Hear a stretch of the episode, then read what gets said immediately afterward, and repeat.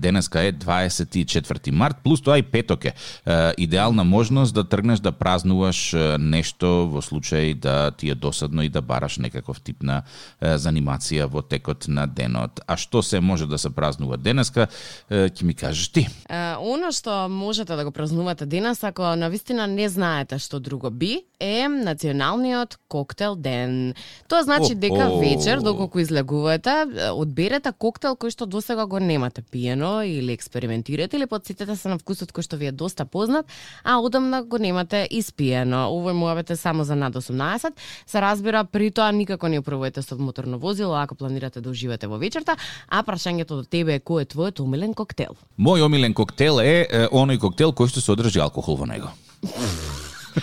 Баш фино. Мене ми е оно што го пиевме последно со Ива, ама некако да ми текне како се викаше нешто. Чизкейк беше, чизкейк мартини, така? Да. Нешто така, ако не се лажам. мартини. И Тие зорке да се толку кажам, лоши. Знам, тоа као ништо не осеќаш, Е така, така и наеднаш влагуњаво бум. е нешто и одеднаш ка бф, во главата ти се дешава еден шок момент и викаш у не се ги чувствувам наџињата и така натаму, така што е, бидете многу внимателни, тоа се што е сладко е толку многу лесно да ве напие, да ве опијани, што да не знаете точно кај ви е главата, кај ви се нозете, затоа конзумирате одговорно и не конзумирате ако немате доволен број на години. Да, се согласувам. И, има уште празници? Уште едно само сакам да кажам, не е празник, туку е светски ден на туберкулозата, чисто да се Е, кај отиде да од пиење на туберкулоза, ама добро па е. сега ја мислам дека треба да го спомнеме со оглед тоа што имавме неодамнешни ситуации на оваа тема. Тука кај нас, чисто ако ништо друго, можете да побарате некое поофицијално инфо, да се информирате околу оваа болест, да видите како Заразна да болест за која што постои лек, постои вакцина која што е измислена пред многу години, која што се дава денеска, а за жал кај нас болниците се полни со деца кои што имаат туберкулоза затоа што не се вакцинирани. Ако кажам дека треба да се вакцинираш, ќе ми рипнат дека не почитувам право на слобода на ова, но ама мислам дека тоа законски е регулирано, така да вакцинирајте си ги децата против туберкулоза.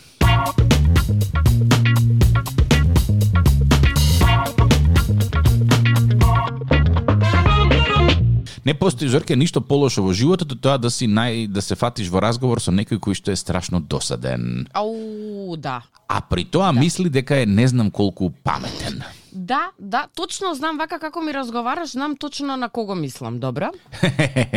Тука науката доаѓа на помош.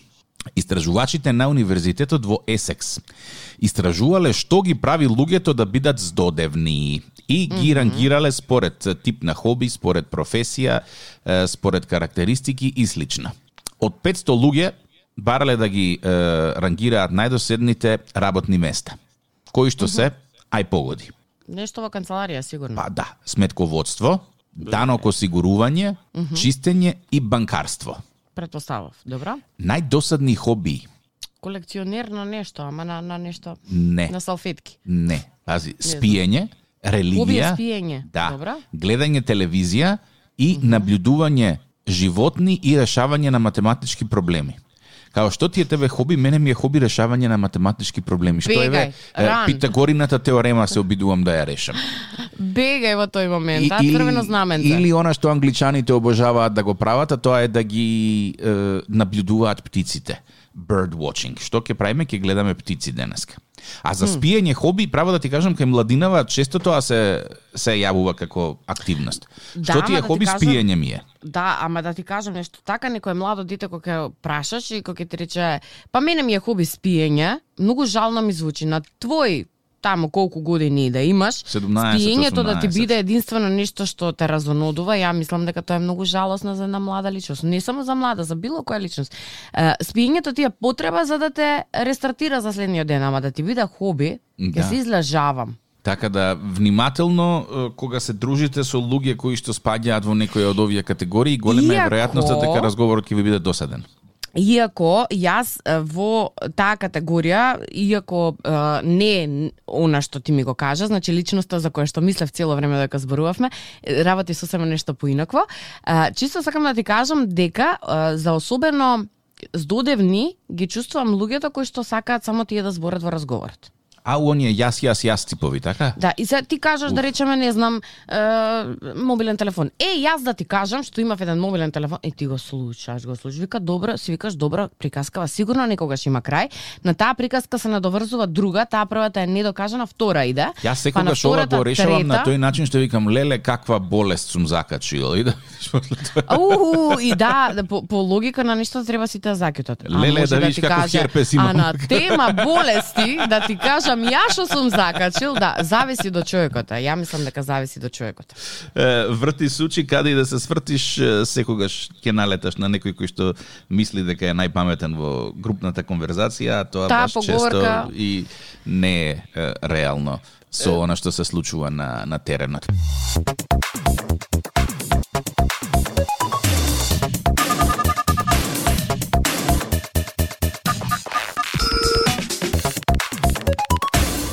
А, темата која што следно ќе ја начнеме е од оние трачарски портали, ова мора да го знаете, ова ќе ви го промени животот, ова е од битно значење за вашата добробит, за во реалноста да сватите дека нема блага врска со било што корисно.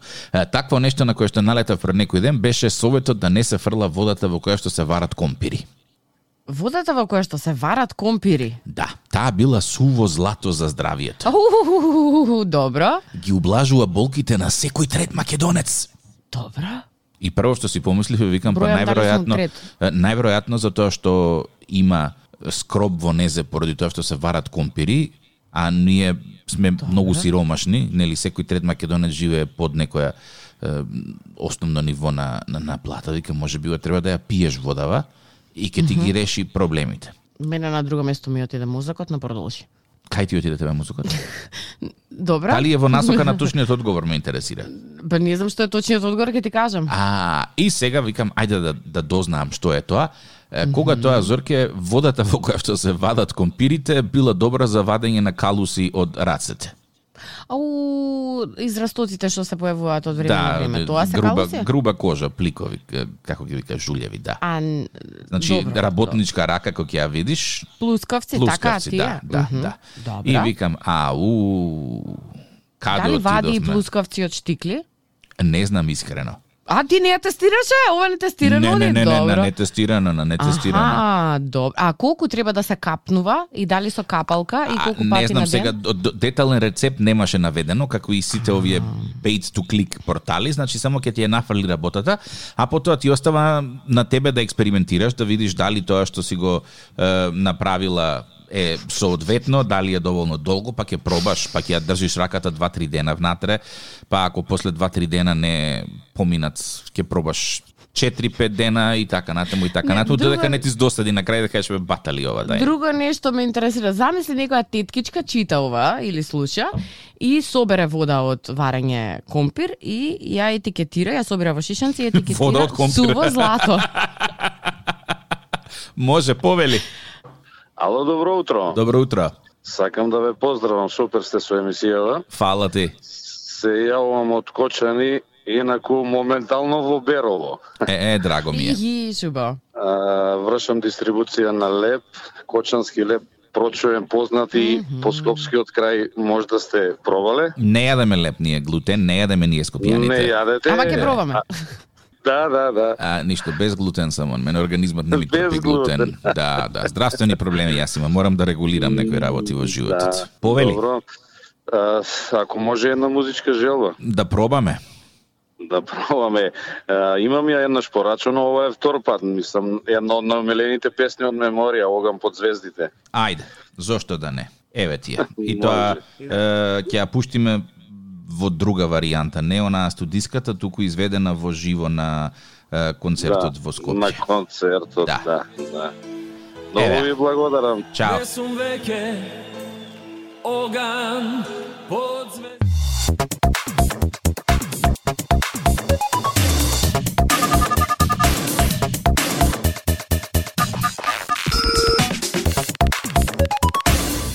Добро утро за сите оние кои што патат по малку подолг ден. Добри вести од овој викенд започнува летното сметање на времето.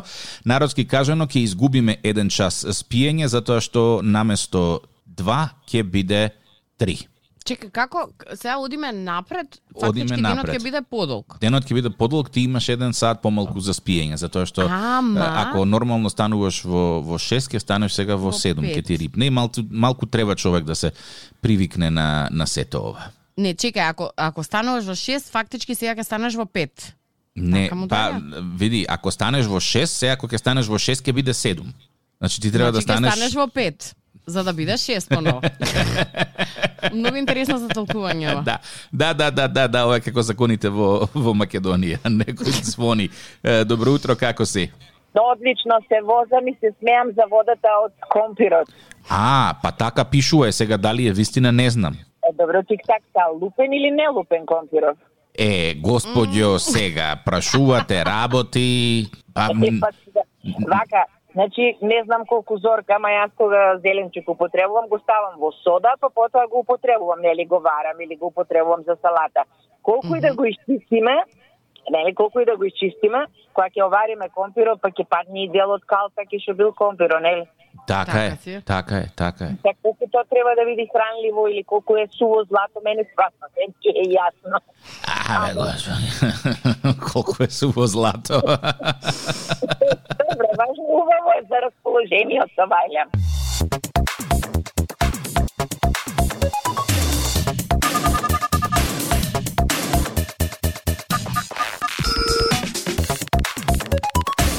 Дали Зорке некогаш имаш чувство дека те следат и те гледаат? Или те прислушкуваат, можеби? Не ме прислушкуваат, веројатно ги боли глава доволно.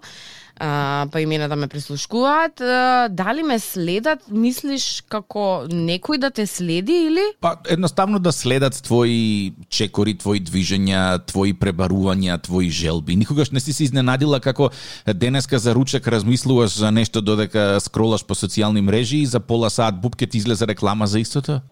Um, да, кога барав Елка ми се случи тоа и тогаш забележав како алгоритмот на Инстаграм работи, со тоа што пребарував Елка и после 5 минути скролајки ни сторињата, да, а, ми се случи да видам Елка, реклама за Елка.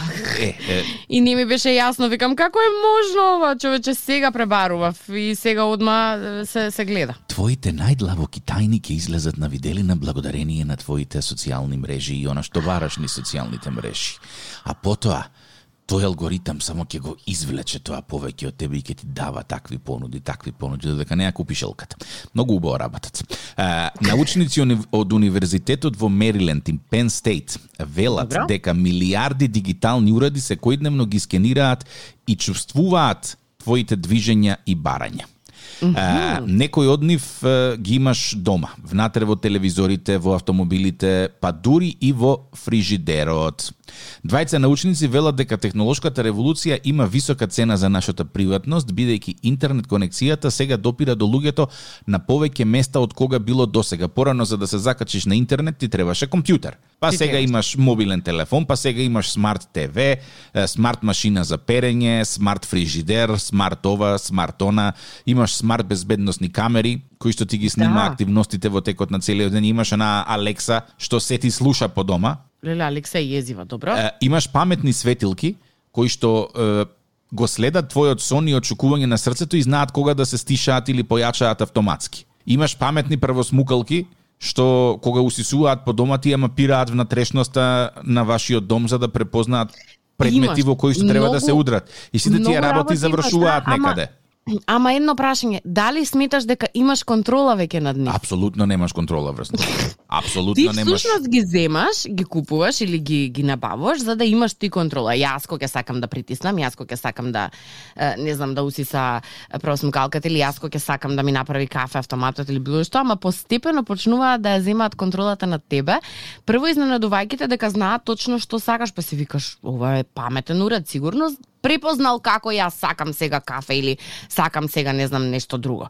Меѓутоа тие полека полека ја превземаат контролата и просто језиво е, буквално е да се најажиш колку паметните уреди ни ја превземаат контролата на животот. Да. И сега експерти ве велат за да го оневозможиш тоа собирање на податоци или да им оневозможиш на уредите да ти го контролираат животот, прво што ќе направиш кога ќе одиш да купиш некој уред е да прашаш колку податоци собира, дали се врзува на интернет и колку е паметен.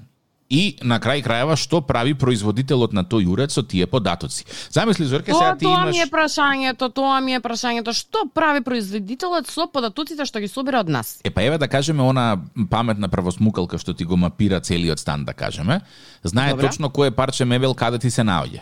И производителот гледа дека ти да кажеме 10 години не си го сменил каучот.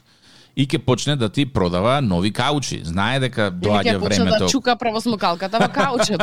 За да го дека искрши. Не го расклати да едното стопче на кое што се држи, па да виш како ќе мора нов да купиш. Мислам дека ова ми е малку неетички, ама интересен агол што може да се да се разгледа. А многу интересна работа ова со пребарувањето, баш читав кај на пријателка, вели како може Facebook да знае кога ми требаат нови чизми или какви чизми ми требаат или не знам било што друго што ми треба. Ги анализира А, с друга фотографиите. Работа, друга работа, да, веројатно според она што го има на фотографиите и шти, ти што го ставаш, како се носиш и како изгледаш, што треба да ти понуди во смисла. Ако Те профилира носиш, демек. Ако носиш а, облека со бренд, следно што ќе ти нуди е само брендови. Високо квалитетни брендови кои што можеш да ги добиеш како реклами, како такви. Тоа со таргетирањето мене ме излудува, искрено да бидам. Барав некакви си е, гуми за автомобил, нешто за автомобили пребарав, одеднаш нов автомобил. Викам, не е време за нов автомобил. време е време, Само само ти гуми не знаеш. Се што е твое ќе си дојде, па макар и да е нов автомобил.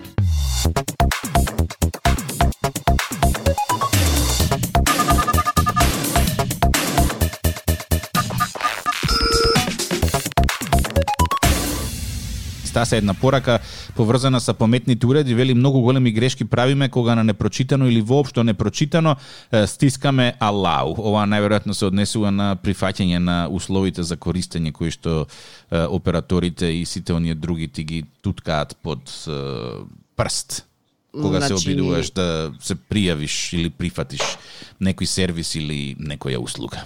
Легендата вели дека никој никогаш ќе нема доч... прочитано и дочитано. е, е, е, имаше во некои од непотребните факти информација дека ако се соберат сите тие terms of service и слично, ќе му треба на еден човек животен век за да ги прочита буквално сите. Добро. Пред гатанките неколку непотребни факти. Време е за бескорисни факти. Музиката представува завис на мозокот исто колку и сексот и дрогата. М, да. Особено кога ќе се обседнам со некоја песна и мора да ја слушам 28 пати поред. Да, Тоа не ми се случило со љубовно општење. да се зависнам од тоа, ама за музика можам да ти кажам со сигурност дека представува завис.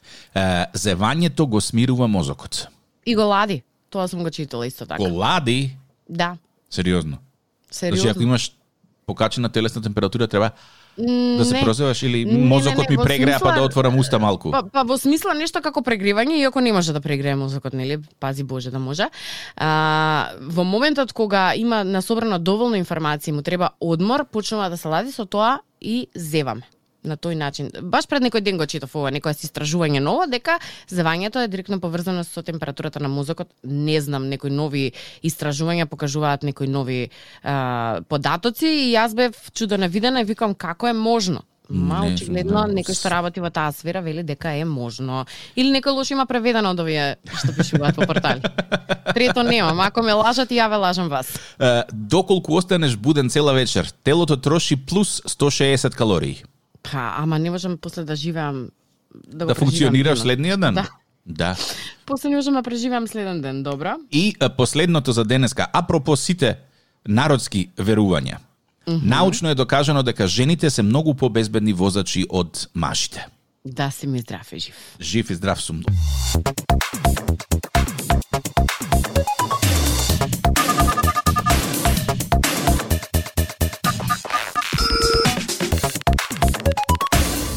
Пред крај на нашето работно време, пред почетокот на викендот, моменталниот резултат е 5 спрема 3. А, гатанки поставуваш ти. Водам јас. Дали така ќе заврши овој денесен час? Ау! Може? Е, да, одиме. Првата твоја гатанка.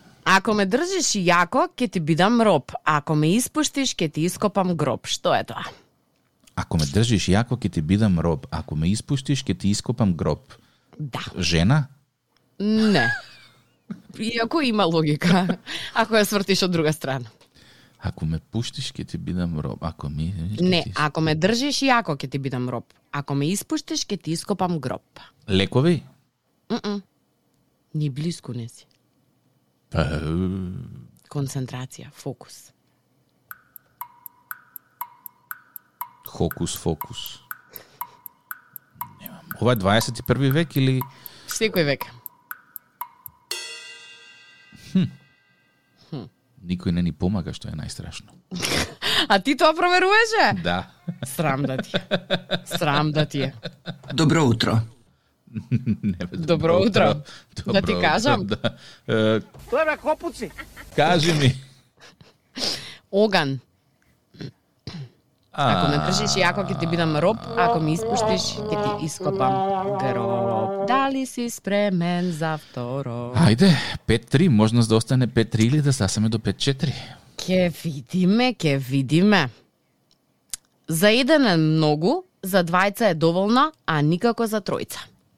М? Не е тоа што мислиш.